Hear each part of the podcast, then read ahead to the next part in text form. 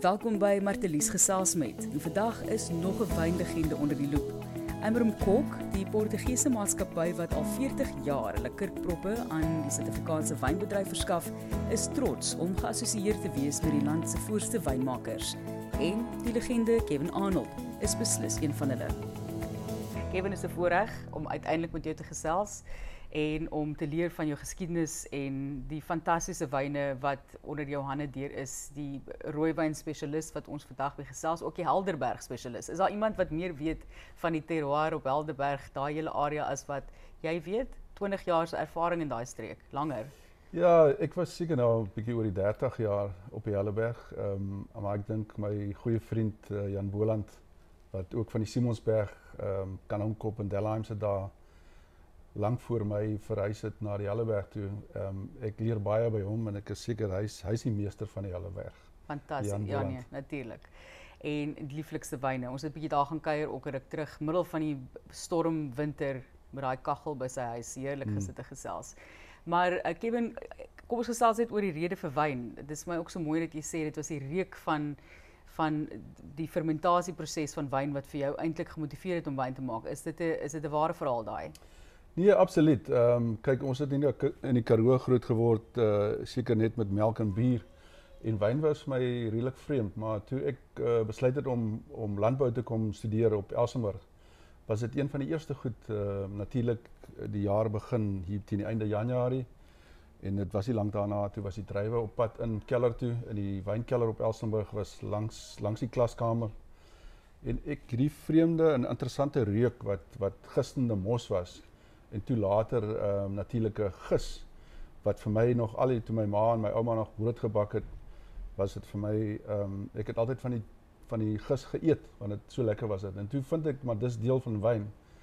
En daarvandaan was dit uh, toe gebeur dit maar net. Dit is eintlik mooi dis hierdie lewende identiteit dis hoekom ek so lief is vir broodbak dit hmm. is hierdie ding wat sy hele eie lewe het So dis 'n fantastiese proses eintlik, maar jy was onder baie druk gewees om te kan studeer by Assenburg. Hulle het toe nou nie op daai stadium mense van buite af toegelaat nie en hulle het gesê op een voorwaarde jy moet top top van jou klas eindig of goeie punte bereik.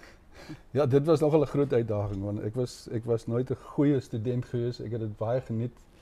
Maar dit het geweldige druk op my gesit om bo uit te kom so en omdat ek nie in die Weskaap groot geraak het nie, um, op daai stadium het hulle geen buite studente ingevat vir wynstudies. Hmm.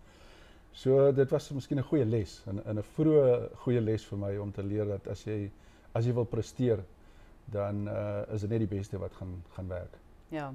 Wel jy het by Bloem um, op skool jou ervaring, akademiese ervaring gehad ook daar so dit is ook mos maar 'n trotse trotse skool daarin. Ja, klein skool, trotse skool. Ehm um, en en omdat ons so klein was, moes ons baie kompeteer teen die groot en sterk skole en daar het mense ook geleer om bo uit te kom moet jy jy moet alles insit en jy moet oefen en en ja, jy moet uh, kan bewys dat dat kan kompeteer ongeag die agtergrond. So terwyl ons gaan gesels, vra ek ook vir herinneringe want dit is nogal vir my belangrik en die mense op jou pad, jy het vir my gesê dis vir om oor hulle ook te gesels. Ek vra altyd wie's van die mense wat vir die meeste uitgestaan het in jou loopbaan, wat 'n groot rol gespeel het in jou loopbaan of op wie jy 'n groot rol gespeel het as mentor by tye. Maar herinneringe van Elsenburg asseblief. Dit is mos nou waar die die lekker tye ook plaasvind buite in die feit dat jy nou ja. so goed moes presteer. Ag, die mooi ding van Elsenburg was ehm um, ek, het gevoel ek is weer op die plaas, jy weet, van toe toe my ouers um, hulle grond in die Karoo verkoop en getrek Petmore Bay toe, toe was ek nie meer ehm um, op 'n op 'n plaas nie en en my hoërskool uh, jare was van al die pad van Petmore Bay na Bloemfontein toe per trein, jy weet, so en en vakansies was nie dieselfde nie. Maar toe ek op Elsenburg kom, toe voel ek maar ek is nou weer op 'n plaas, jy weet, en al daai reuke en goed wat 'n mens kry op die grond was dit vir my absolute uh, belewenis geweest. En ehm um, ek het goeie vriende gemaak. Ehm um, mense soos Paul de Villiers van Landskroon was my kamermaat. Ek het geweldig baie by hom geleer. Charles Beck van Fairview was uh, ek het ook baie dae saam met hom teruggegaan, saam met sy familie by die huis gaan eet. En so te mens ehm um, 'n klomp wynmense ontmoet, jy weet, en ek sal nooit vergeet Harvey Ealing van Uitkyk het my ook eendag oorgenooi en daar het ek vir Jan Boland ontmoet uh, by Kanonkop en ehm um, dit was uh mense soos Jan Boland, uh Neil Ellis, um ouens wat vir my geweldig baie gehelp het revolusionêre rolle wat hulle natuurlik ook gespeel het in die in die wynbedryf Kevin. Maar goed jy sou onderwys studeer toe jy nou gelukkig jou pad gevolg en, eh, en wyn gemaak en ons is baie dankbaar daarvoor vir die lekker rooi wyne wat ons van jou geniet. Oor jare ikoniese wyne wat jy op verskillende plekke vervaardig het Kom ons gesels net oor daardie eerste stap in 'n loopbaan rigting. Jy het nou gestudeer by Assenburg, jy het ook 'n tyd spandeer by Testel, Summers Farmers Winery op daai stadium en ehm um, toe laterand by Spatsberling aangesluit. En ons dis 'n dis 'n groot deel natuurlik van jou loopbaan, maar vertel vir ons 'n bietjie van jou eerste tone in die water met die bedryf. Ja, ek het ek moet sê ek het verlief geraak op die bedryf en ek het my vakansies in steede van dat ek nou huis toe gaan in waar het ek hier gewerk by by destydse farmers, Testel en ek het dit geweldig baie geniet in die laboratoriums ehm um, waar hulle besig was met eksperimentele wyne, eksperimentele geure Ehm um, en ek het omtrent nooit huis toe gegaan nie en ek sou my eerste pars gemaak het ehm um, in 1979 79 by by Farmers dis Destel. Maar gelukkig uh, oor die Desember vakansie toe uh, kontak Spatspelling vir my en hy sê sy wynmaker ehm um, gaan binnekort verhuis terug Duitsland toe en hy wil 'n jong wynmaker hê wat by hom kan oorneem. So dit was 'n groot skok vir my want uh, in steede dat ek nou 'n bietjie um ondervinding kon opdoen by uh die stel Stellenbosch Farmers um met 'n klomp verskillende uh verantwoordelikhede moes ek nou inspring in 'n keller so groot soos Delheim en daai daar 1200 ton en uh onder 'n wynmaker by name uh, Otto Helmer werk En min het ek geweet dat binne 2 oesjare sou daai hele kelder moes oorneem. So ek moes baie vanaand leer. Hoe oud was jy toe? Ag, ek dink ek was seker nie meer as 23, 24 jaar oud. dit is 'n baie groot verantwoordelikheid. ja. So jy sou soos jy sê hoe baie breedvoerig geleer het um, by ja. Destel. Ja. Ehm um, so en en hier moet jy nou gaan spesialiseer, jy het keller tegnologie studeer, so dit was jou spesialisrigting. Ja, ek het uh, ek het maar die wyn ek so ek het nooit geweet dat ek wyn wou maak nie, maar wat wat ek baie in in Spats was baie goed. Hy het vir my geleenthede gegee om om um te reis. Um ek het ek was die eerste wynmaker uh, wat genooi is Kalifornië toe nadat uh, Tim Mondavi um by Stellenbosch Farmers gewerk het. En as gevolg van daai uitnodiging het ek 'n hele ding nuwe soort van boek vir my oopgemaak in terme van ek het gewerk direk met Robert Mondavi, die baie baie bekende eh, persoon wat nie net die wyn in in Kalifornië verander het nie, maar ook die kos. Jy weet, so ek was uh, op 'n daaglikse basis in kontak met mense soos hy uh, as 'n jong persoon en ek het twee ander wynmakers van Frankryk was ook daar. Baie bekende Cheval Blanc en Saint-Emilion en Denis de Fulagaros albei uh, First Growth En onder Mondavi um, saam met sy seuns en sy sy familie het ons geweldig baie geleenthede gehad om om by wynproe te sit en luister waaroor hulle praat en te besef dat daar het ek seker agtergekom maar wyn is nie net wat in die bottel is nie. Wyn is 'n baie groter storie en ek het vir myself gesê van daai tyd af wyne twee stories. Die een storie is binne in die bottel wat ons as wynmakers verantwoordelik is Maar eintlik die groot storie van wyn is die storie buite die bottel. En dit bring in alles, jy weet. Dis hoekom ek so lief is vir Stellenbosch.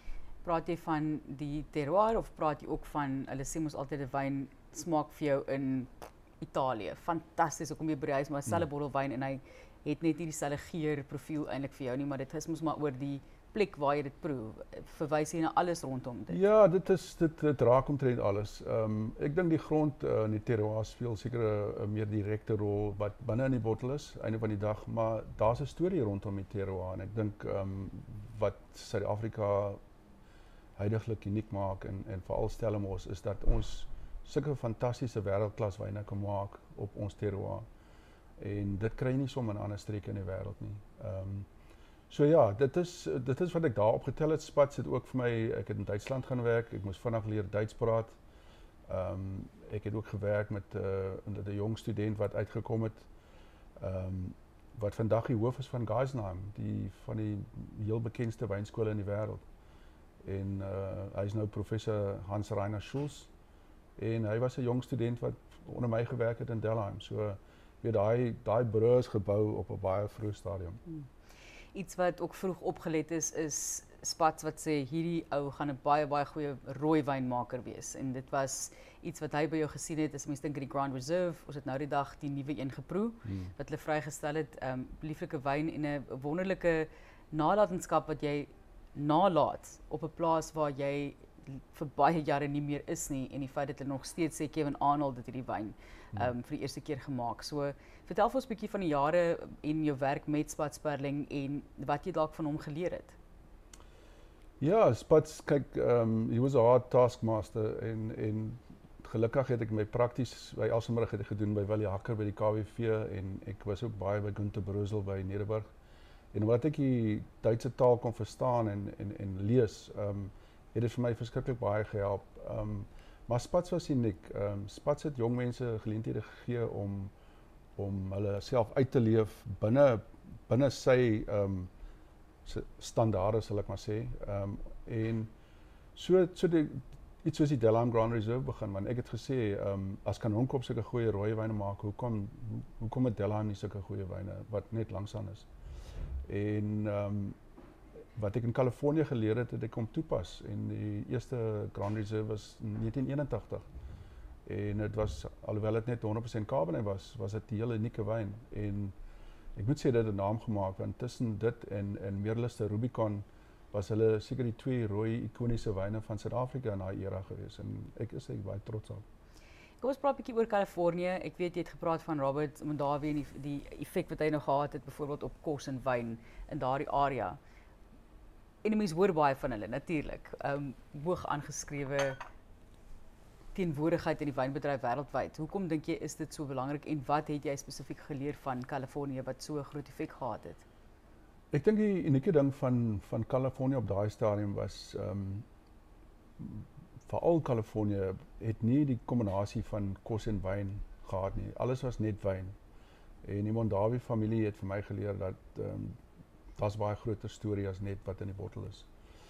En toe uh, Robert en sy vrou Margaret um, the great chefs of France genooi het om uh, om 'n culinary institution oop te maak in Kalifornië, was dit was dit die begin van baie goed. En ek het toe besef dat um, wyn is 'n uh, baie groter rol om te speel in alles. Jy weet, ek dink in terme van Stellenbosch, jy weet wat met Stellenbosch in die afgelope paar jaar gebeur het, is wonderlik. Ehm um, die chefs wat ingekom het.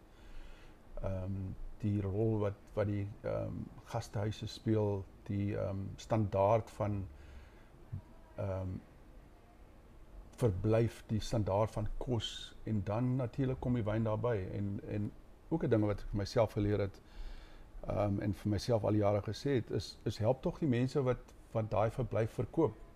Want as if you sell a bed night, you sell a bottle of wine en dis my filosofie gewees um nog altyd. En uh, hoekom ek baie opgewonde is oor Stellenbosch en sy toekoms? Want dit het nou in die afgelope paar jaar onder leiding van Mike Radcliffe van die Stellenbosch Wynerte en Visit Stellenbosch 'n baie groot in siggewende rol gespeel in in die verandering van Stellenbosch. En want daar is so baie stories. Ons het die universiteit, ons het die geskiedenis, ons het die argitektuur, ons het die die families wat wat Stellenbosch nog altyd 'n uh, belangrike rol gespeel het. En die wyn is maar net een klein deel daarvan, jy weet, en en maar gesamentlik is is dit 'n unieke produk vir die wêreld. So daar's by my geen twyfel dat Stellenbosch um, will become the greatest wine destination in the world. Ja, om te dink wel hele paar dekades, wat sit nou so 3, 4 dekades gelede was daar nie eers 'n uh, gastehuis gewees op Stellenbosch nie. Dit dit is ongelooflik om as 'n mens daai tipe van geskiedenis leer en jy dink wel dis jy jy dink dit is al vir jou vir, vir baie lank daar. Hmm. Langer terug as wat die eerste hmm. toe nou gestig is, maar Kom ons gesels net oor ehm um, Delheim, jou hoogtepunte by die plaas, die Grand Reserve natuurlik 'n hoogtepunt. Ehm um, is daar sekere tye wat vir jou uitstaan voordat ons aanbeweeg na jou volgende volgende afdeling? Ja, ek dink Delheim uh, was hoofsaaklike witwynplaas. Ek meen geen twyfel met die Duitse agtergrond. Ehm um, die oorspronklike eienaar Hans Hoeisen um, was 'n wonderlike man. Hy was baie goed vir my vrou en myself as hy gereeld uit die Kaap uit gekom dan was die eerste ding wat hy gedoen het was uh, kom koffie drink saam met ons en stories vertel van sy wildsplaas en sy belangstelling in wyn was daar maar nie so tegnies soos wat Spats was nie. Maar ek dink die groot deurbraak was vir my om om 'n rol te kon speel um, in Delheim te verander van 'n hoofsaaklike witwynplaas na 'n rooiwynplaas en ehm um, dit het gekom as gevolg van grond wat Spats gekoop het uh oorkant uh, Kanankop ehm um, naby Elsenburg, baie goeie rooi grond. Die plaas se naam was Vera Cruz en daar kon ons dan rooi druiwe kry van baie hoë kwaliteit en ja, ek ek dink dit was seker vir my ehm um, waar ek besef het en hoekom ek daarvandaan geskuif het Rus en Vrede toe want ek wou spesialiseer in rooiwyn en Rus en Vrede was die enigste plaas op Stellenbosch wat net rooiwyn gemaak het. Glo dit of nie. Uh Meerlust ehm um, het net 'n rooiwyn gebottel maar hulle het baie wit druiwe gehad. Maar Janie Engelbrecht was uh, in in my opinie ehm um, voor sy tyd, hy was uniek, hy het besef luister Rus en Vrede, ons gaan net rooiwyn maak op die plaas en so het dit gebeur. Het dis ook 'n persoon wat um, ek was 'n rukkie gelede daar gewees by hom in Hermanus, 'n persoon wat besluit het om betrokke te raak by 'n bedryf wat hy nie baie goed geken het en Jan Boland weer eens is die persoon wat hom geleer het van wyn. Ja. Uh, vir wie hy gebel het vir sy raad. Ja. Ja, nee, absoluut. Ehm um, selfs toe ek by Janie begin, toe is Jan baie daar gewees en en omdat ek so goed oor die weg gekom het met hom daai tyd nogal en en Jan het ook baie gehelp, jy weet. En ek dink dit was vir my uh weer eens die verskil tussen die Simonsberg wat 'n uh, baie unieke en en bekende plaas het. Ehm um, was daar ook ou plase op die Helleberg, jy weet of jy nou praat van Alto of 'n uh, 'n Meerlus wat nou bietjie laer af in in die Helleberg grond is. Ehm um, maar toe ewe skielik is is daar rus en vrede, jy weet en, en en dit was vir my om 'n rol oor 10 jaar daar te kon spandeer ook om om rooiwyne op te gradeer en en te kom met 'n versnit wat ook uniek was. Ehm um, die Rus en Vrede Estate wine, jy weet Ehm um, so dit was half van 'n patroon wat wat ek gevolg het om te spesialiseer in iets unieks te maak. So kom ons gesels oor hoe jy voel jy, wat jou bydrae liewer dan was by Rus en Vrede om die rooiwyn te verbeter wat hulle daar aangebied het. Wat sal jy sê was die grootste effek wat jy gehad het?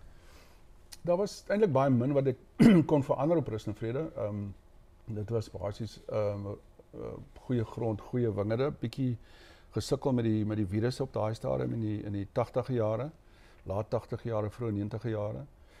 Maar wat ek wel gedoen het op Rus en Vrede, ek het een uh, wyntank ontwerp um wat ons in die druiwe ingegis het en dit was anders as die ou deurdruk um en en meng van druiwe op die ou tradisionele manier en vir my persoonlik die wyne wat ek in die nuwe wyntank gemaak het was heelwat anders en sagter. En ehm um, alhoewel dit 'n baie klein persentasie van die totale produksie was, ehm um, het ek vir myself geleer dat daaruit ehm um, kan 'n mens baie leer in terme van hoe die hoe as jy wyne absoluut natuurlik wil maak en en minder ehm um, tannine, minder ehm um, bitter uh uh karakter in die wyn kry. En dit was 'n klein wat 'n klein rol gespeel, maar ek dink toe ek en Janie besluit het om om 'n versnit te maak, ehm um, wat nie net Cabernet Merlot was, maar om Shiraz in te bring. Uh dit was vir my 'n groot deurbraak, ja. want daar was toe nie in Suid-Afrika ehm um, 'n wyn wat uh, waar die kombinasie van Cabernet, Shiraz en Merlot uh 'n rol gespeel het as as 'n topwyn. Daar was kommersiële wyne met daai variëteite, maar nie een van die topwyne. En toe ek glo Rus en Vrede se estate het toe ook een van die top rooi wyne in die land geword. As mens praat van tannien, waar lê die balans tussen jy sê minder tannien, maar ook die struktuur wat tannien vir jou gee in rooiwyn? Ja, kyk 'n mens uh die manne wat uh wat al die chemie swat en so, hulle sal miskien verskil van my want ek ek kan dit nie bewys nie, maar wat ek wel geleer het oor oor soveel jaar is dat uh as jy 'n dryf proe en ehm um, die dryf is is uh, fisiologies ryp, dan dan is die dop en die sap en alles saam. As jy as jy dit in jou mond sit en jy kou dit daar's daar's 'n balans daar. Sodra die druiwe te ryp raak en almal sê dan word die tannine sagter dan kry jy baie hoë alkohol en jy kry half soet soeterige nasmaak wat ek nie glad nie van hou nie so ek het geleer um, in die wingerd um, moet jy die druiwe afhaal op die op die regte stadium en dan as jy die wyne uh, dan gaan gis uh, op daai doppe moet jy dit doen op 'n baie sagte manier sodat jy nie steur aan daai of daai vesel afbreek nie of die stingels laat laat breek nie. So ons noem dit hullberry, heel korrel gisting, uh, wat vir my baie groot deurbraak uh, was in wyn maak. As mens praat van tannine, wil ek ook sommer dadelik praat van alkoholinhoud en die feit dat daar ook 'n en jy kom of my korrigeer asseblief as ek nou verkeerd is, maar ook 'n beweging vir 'n ligter ligter stel wyne byvoorbeeld, maar dan is dit ook 'n geval van jy drink daardie wyn en dit het nie daai struktuur nie want dit het nie daai alkoholinhoud nie en is ook dan baie moeilik om te verouder. So wat is jou siening ja. daarvan? Ja, kyk, ek moet dan byvoeg, ek dink uh, met die met die heel korrel gisting wat jy kry, jy, jy hoef nie so baie hoë alkoholwyne te maak nie, maar wat jy wel kry is is geweldig baie tannin, geweldig baie kleur. En interessant is as as jy die druiwe gaan druk uh in die pers druk dan dan kom daar meer suur uit. Wat wat wat eintlik bedoel jy hoef nie meer suur by te sit nie of glad nie suur by te sit van die begin af wat 'n baie groot verskil maak in terme van die tannine in die balans. So daai bitter tannine kom uh glo ek uit as as daar te veel suur op die op die uh, doppe gegooi word en dit ekstraheer geure wat jy nie eintlik wil hê nie. So dit is die verskil en dan die ligter styl wyne uh, dit hoef nie noodwendig ligter te wees nie, maar as 'n mens praat, praat van rooi wyn die mond en die struktuur en die nasmaak, daar dit is waar die elegansie moet wees sonder dat dit lig moet wees. So ek dink uh baie van die wyne wat ek uh, onlangs ehm um, gemaak het in in die in die laaste klompie jare was was van daai tipe wyne. Ehm um, hulle het wel 13.5 14.5% alkohol, maar dit proe nie so nie. Maar as jy gaan kyk na die kleur, die intensiteit is dis geweldig geweldig donker van kleur, maar geweldig interessant in terme van die smaak. So daar's baie tannin daar, maar dis sagte gepoleerde tannine, nie grouwe tannine. En veral op die nasmaak dan speel daai tannine 'n geweldige be belangrike rol om 'n lang nasmaak te kry. Elegansie, soos Elegantie, dit verwys het, ja. Ja. ja. Kevin, wat is jou gunsteling variëteit? As ek wel mag vra want dit is ek well, is 'n moeilike een maar ja. Almal het gedink is Shiraz toe ek nou ehm um, besluit om om een uh, dryfsoort te kies maar dit is 'n uh, eh, dit sou altyd 'n kombinasie van van variëteite wees want ek dink as jy kyk na die Delaware Grand Reserve die Rust and Freddie Estate en dan wat ek begin het by Waterford was die Gem ehm um, wat 'n kombinasie van verskeie variëteite was. Ehm um, so enkel variëteit ehm um, Seker nie nee, ek dink dit is 'n kombinasie want dit is amper soos wat jy in die, in die kombuis sit. Ehm um, jy kan nie net met een een ehm um, produk ehm um, iets staan maak nie. Jy wil tog eksperimenteer. Jy wil iets bysit, jy wil goed bymekaar sit, jy wil ehm um, sekere geure ehm um, laat uitstaan. En dit is die wonderlike ding van wyn maak. Wyn maak ehm um, op 'n enkel variëteit is is is 'n uitdaging, maar ek dink die grootste uitdaging kom deur verskillende goed bymekaar te sit. So ja, Shiraz omdat ek my naam gekoppel het aan dit, ehm um, is nie noodwendig my gunsteling dryf nie meer. Goed. Dis bly ons het dit ook uitgeklaar. Hmm. Kevin, tussen deur al hierdie dinge, ons is nog nie klaar is tevrede nie, maar het jy ook 'n uh, familie, het 'n gesin begin en jy spot altyd die kinders is gebore op die slegste of die swakste oesjare. Het jy dan 'n bottel van elk daarom gehou vir die kinders, soos wat wynboere moes maar maak of wynmakers ja. maar maak? Ja, daai daai moeilike jare, ehm um, hulle hulle moet nooit hoor dat dat ek ooit gesê dit was slegte oesjare, dit sê dit was moeilike, moeilike oesjare, jammer ja.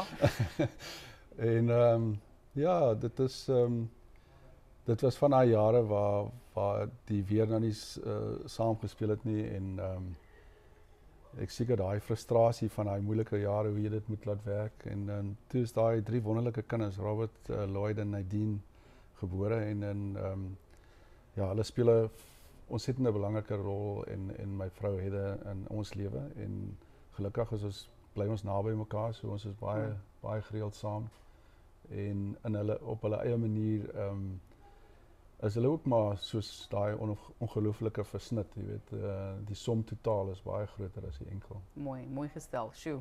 Is hulle in die wynbedryf enigstens of nie?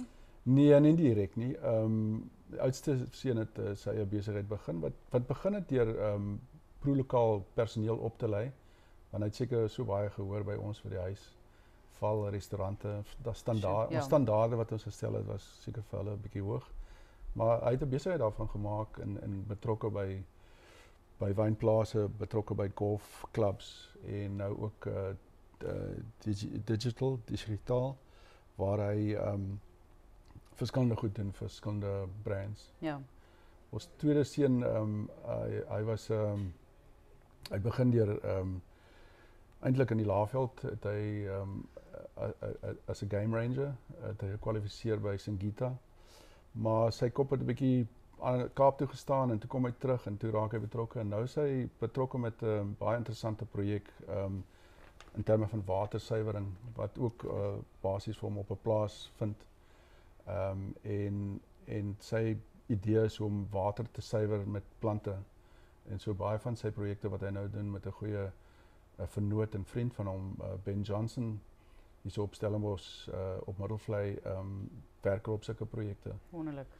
Ja, en ons dogter ehm um, sy het uh, ook bietjie in die regter swat en en toe ehm um, bekom gedoen en sy werk nou vir vir Apple. Goed. sy is hoof uh, bemarkingsbestuurder van Apple Afrika. Nee, tog nie sommer hier rond nie. Vaderland. ja. Okay, ek wil met haar gesels, definitief met almal vir hulle gesels. Alles sulke interessante onderwerpe. Maar as 'n mens dat bietjie kan gesels oor jou um, jou jou beste jare. Dit is 'n verskriklike manier om dit te stel, maar en ook hoe jy voel van die 70s, 80s, 90s en die dekades hoe die oesjare dalk verander het en en ontwikkel het oor die jare is daar iets wat vir jou daar uitstaan wat 'n mens 'n mens wonder maar bietjie wat is die toekoms van wyn in verskillende streke van Suid-Afrika? Ja, ek dink dit was altyd makliker in die ou dae. In die 80's het ons gepraat van die gelyke oesjare 82, 84, 86. 86 was gelukkig 'n jaar wat ek um, as as jong wynmaker um, die generaal Smuts gewen het uh met 'n Cabernet van Delheim. Maar toe toe kom die 90's en die 90's was ehm um, begin uh seker die, die begin van die weerveranderings uh patrone. Ehm um, baie van die ongelyke jare was toe beter as die gelyke jare. En toe die 2000s, maar gekoppel aan al dit was natuurlik die die ehm um, kwaliteit van die plantmateriaal wat ons gekry het. Uh beter ehm um, minder virusse ehm um, en ag so baie verskillende goed en dan die die afgelope tyd geweldige verandering in weerpatrone en vroeër oes en al die tipe goed wat mense nou moet aanpas. Ehm um, ek dink wat ek kan sê oor daai 3, 4 dekades is dat ehm um, waar ek dink wynmakers ehm um, hulle self meer uit die kelder uitgeneem het en meer tyd spandeer in die wingerd is die wynmakers wat 10 10 in meer sukses behaal het. Ehm um, want tegnies ek dink is Suid-Afrika ver voor baie ander lande binne in die kelders maar ek dink buite um, is daar nog heel wat werk wat gedoen moet word uh, in terme van wingerdboukunde. Die bestuur van van ons ons wingerde en natuurlik ook die opleiding van die mense wat in die wingerde werk. Ehm um, dit is seker die die grootste uitdaging.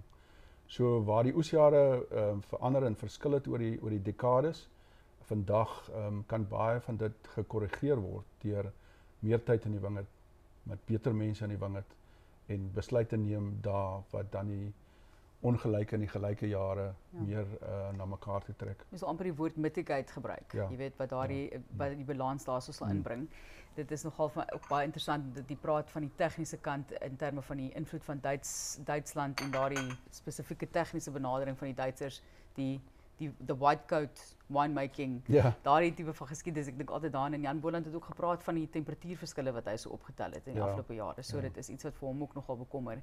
Maar as 'n mens kyk ook na jy het nou jy was by Rust en Vrede gewees en jy het besluit jy wil iets doen vir jouself, jy wil nie vir 'n salaris werk nie. En dis 'n groot stap om te besluit om 'n nuwe wynplaas te begin. Jy het gelukkig 'n goeie belegger ook gehad op daai stadium. Opwindende tyd, was dit 'n mm. stresvolle tyd? Sekerlik. Ja, ek dink uh die begin van Woodford in 1998 uh was seker stresvol, maar daar was nie tyd om te dink daaroor nie. Ons ons moes binne 6 jaar 'n uh, nuwe wynplaas uh vestig. Ons moes um 'n handelsmerk vestig en ons moes al die wyn verkoop kry uh in elke jaar wat ons dit gemaak het. So omdat ek nie 'n uh, finansiële persoon was nie, het ek nie eens daaraan gedink nie. Ek het net besef uh, dit kan gedoen word en ons het dit gedoen. En so daar was nie tyd om om te dink. Ehm um, ek en my vrou en een ander persoon het dit begin. Ehm um, daar was geen ander personeel nie. Ons het die plaaswerkers oorgeneem wat daar was en so het ons begin. So daar's eers later wat 'n uh, plaasbestuurder bygekom het en eers later wat personeel bygekom het in ter, terme van die administrasie.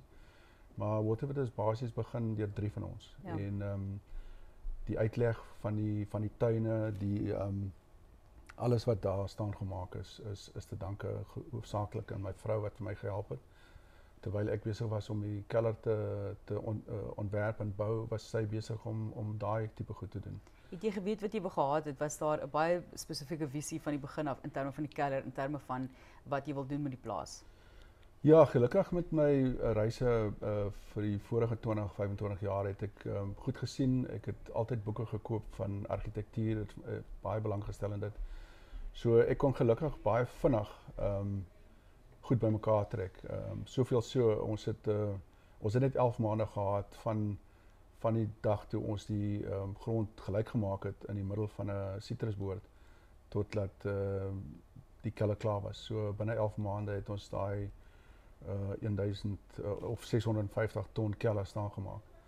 En ehm um, geweldig, uh, daar was die tyd vir enigiets. En ja. ons het nog ek nog pere pryme gehad om te boer, uh, te pluk en af te lewer ons het nie 'n wynkelder gehad in 98 so ek het uh, gelukkig plek gekry by Frans Smit op Spier by ehm um, Bram van Velden op Oevergou en by Jan Boland op Telana.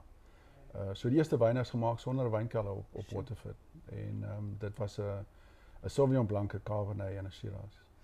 'n mens ek ek weet hele kyk hier so daarna nie, maar ons wat natuurlik nou leer van die geskiedenis kyk na sulke half, jy weet daar's 'n tipe van bakens en dan dink jy dalk hierdie persoon homself gemeet ook in sy volgende projek volgens daai baken. Jy het nou die Rust en Vrede Estate wat in 1998 die eerste wyn is van Suid-Afrika wat in World Spectator is 100 top wyne van die wêreld genoem word en hier kom jy nou met jou eie nuwe plaas. Nou moet jy dan was die gem vir jou 'n verligting dat jy ook nou daai tipe van baken bereik het met die volgende projek of is dit glad nie hoe jy kyk na die saak nie?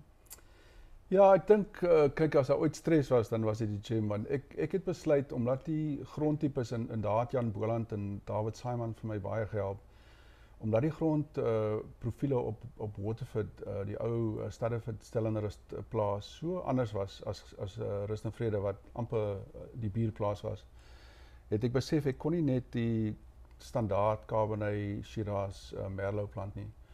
En gelukkig het ek uh, die vorige 10 jaar ehm um, altyd die eksperimentele wyne by die universiteit geproe uh, wat hier op grondves ehm um, waar die plante gegroei het en besef dat daar's variëteite van Italië, daar's variëteite van Spanje, suide van Frankryk wat uh, ook sal aard. En min mense het geweet dat ek toe 11 rooi variëteite geplant het op Waterford van dag 1 af amper. Ehm um, natuurlik was die vyf Bordeaux variëteite belangrik. Ehm um, maar die ander was ehm um, goed soos Mourvèdre, uh Grenache, uh Tempranillo, uh Sangiovese, Barbera wat ongekend was. Ehm um, hier op Stellenbosch. Jy kry deesdae wonderlike voorbeelde daarvan. Ja, so Dit dan kan jy natuurlik. En en maar dit was gedoen omdat die gronde so was. Daar was daar was min eintlik goeie grond. Daar was net baie klip en ek moes toe hierdie wingerde in daai klip vestig. Uh ons moet ook ander praktyke volgens besproeiing. Ons moes die sitrus ehm um, ehm um, besproeiing bestudeer in in Spanje om te sien hoe hulle dit doen. Ehm um, sodat ons die kos deur die water drupperlyne kon sit want uh om daai ehm um, wortelstelsels aan daai klipgrond te vestig was beide beide onmoontlik.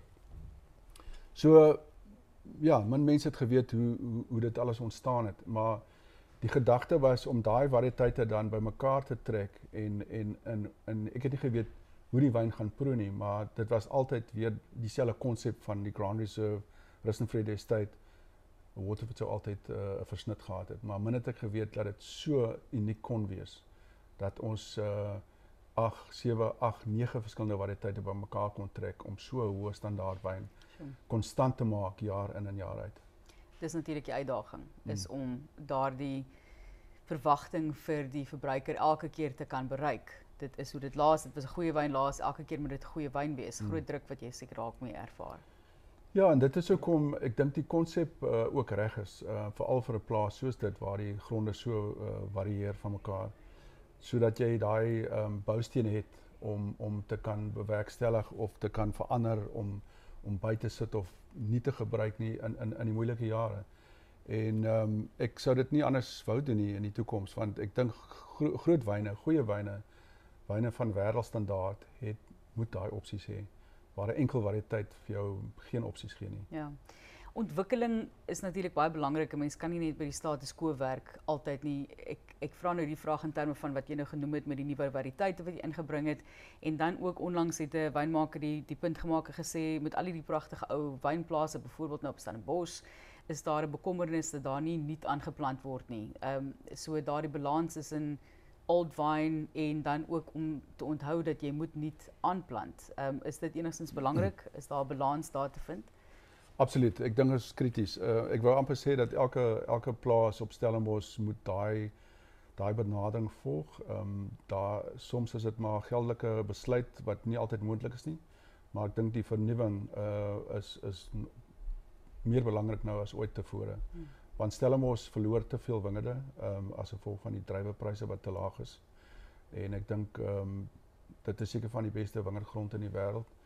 En ehm um, die boere moet aangespoor word om om met ver, uh, vernuwing natuurlik, maar ook uh, beter druiwepryse sodat ehm uh, daar meer uh, goeie Stellenbosch rooiwyne gemaak kan word want eintlik ons gaan kom op 'n stadium waar Stellenbosch te min wyn gaan hê vir die wêreldmark want stadig maar seker kom die mense agter dat van die beste rooiwyne in die wêreld hier gemaak is. Maak my baie trots daardie tipe van stelling Kevin en dan dink 'n mens ook aan wat jy gele gedoen het byvoorbeeld om Suid-Afrika se wyn te organiseer en om te kan sit en te kan kyk na wat is die bydrae wat ons kan lewer tot die wêreld se wyn en waar ons daarby inpas met byvoorbeeld die stigting van die Cape Winemakers Guild. Ehm um, hoe wat was jou betrokkenheid en was dit 'n geval van julle almal sit om 'n tafel gesels oor die toekoms van Suid-Afrikaanse wyn en besluit kom ons begin gilde. Vertel ja. ons 'n bietjie van daardie stigting in die agtergrond.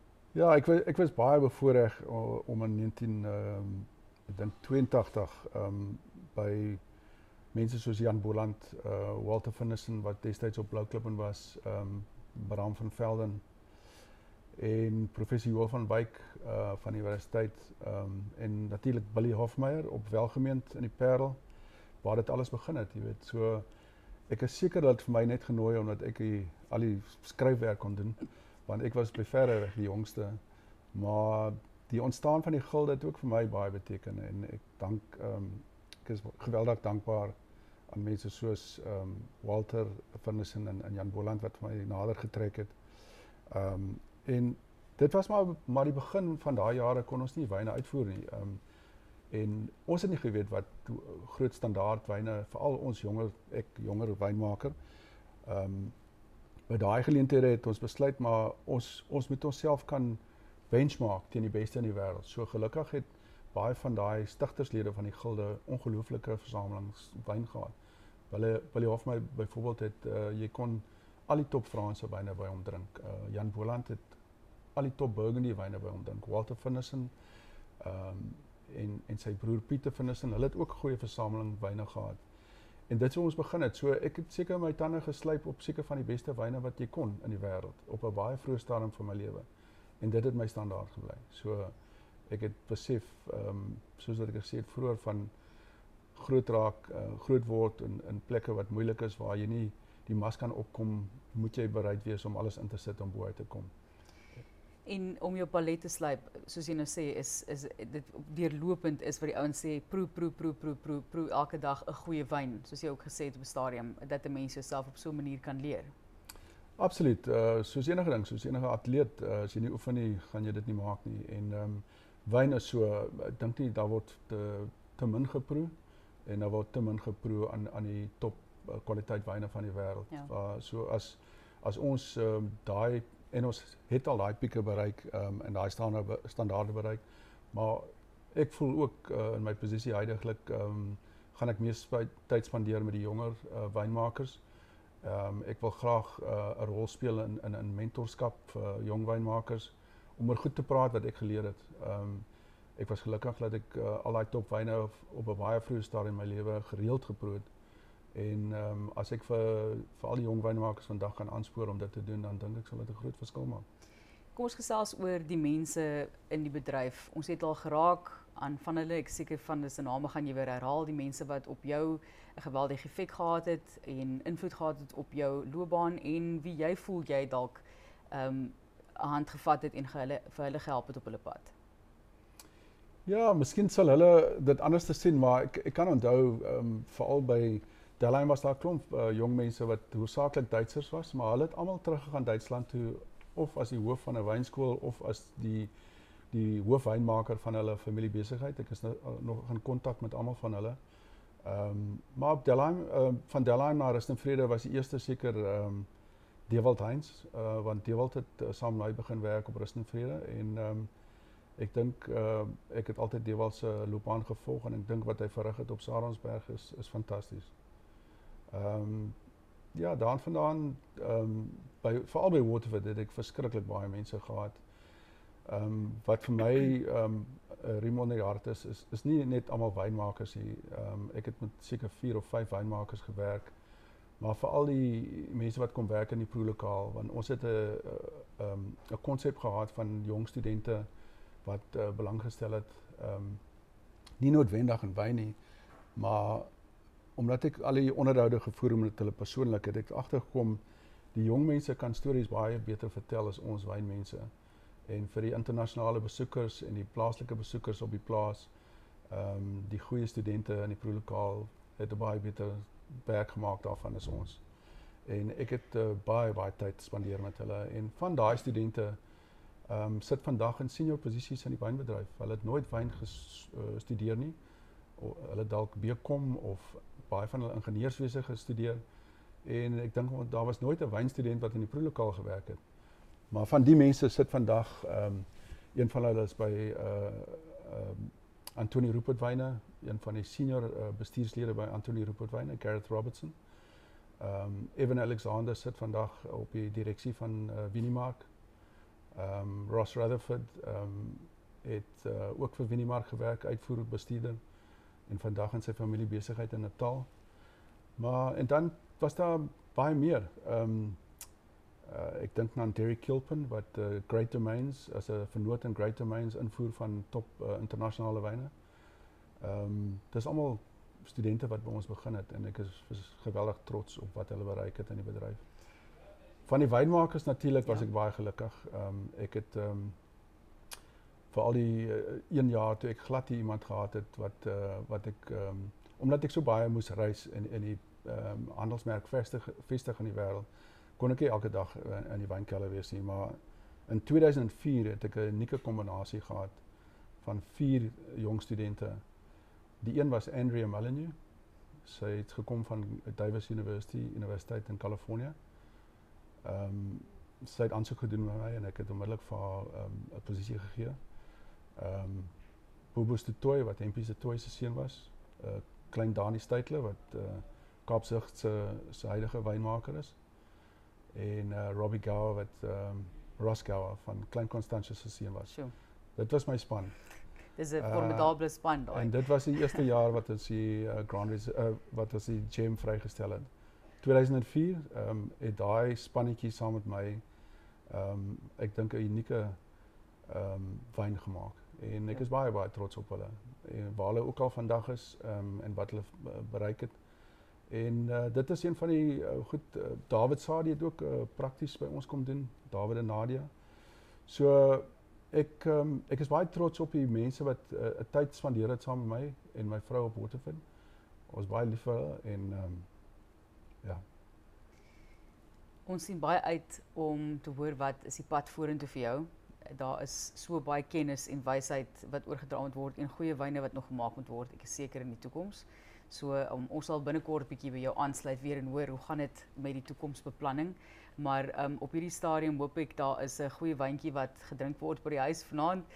Oefen jy nog by die huis saans? Jy het nie meer nodig om te oefen nie, maar oefen jy dit darm nog by die huis? Nee, absoluut. Ehm um, dit is die mooi ding van die wynbedryf. Ja, dit maak nie saak waar jy in die wêreld is. Ehm um, ek het uh dis die eerste oesjaar wat ek nie wyn uh, betrokke is by wyn maak. Ehm um, dit sou my 46ste jaar gewees het. Maar ehm um, ek het nie by die huis gesit ehm um, ek het by my vriende aangery en ek het baie van die jong wyne geproe saam met hulle. En ehm um, ja, wie weet wat uit dit uit gaan kom. Ehm um, mense soos uh Neil Ellis, Jan Boland, ehm um, veral van die jonger wynmakers wat ek uh gaan besoek aflê het en te sien wat hulle in die ander streke ook doen, jy weet. So dit was eintlik die eerste pastyd wat ek 'n bietjie kon rondry en ek het geweldig baie geniet. Kevin, ons sê baie dankie. Groot voorreg om met jou te kan gesels. Uiteindelik moet jy te kan gesels. En uh, soos ek sê, ons sien uit om aan te klop in die toekoms om te hoor um, wat jou volgende planne is. Ek is seker daar's baie planne wat gemaak word. Maar baie dankie en dankie vir alles wat jy vir ons beteken het in die wynbedryf. Ehm um, al daai daai lys van mense en die wonderlike werk wat hulle vandag ook verder doen onder jou hande, daardie opleiding ontvang. Ons sê vir baie dankie daarvoor. Baie dankie Matlies.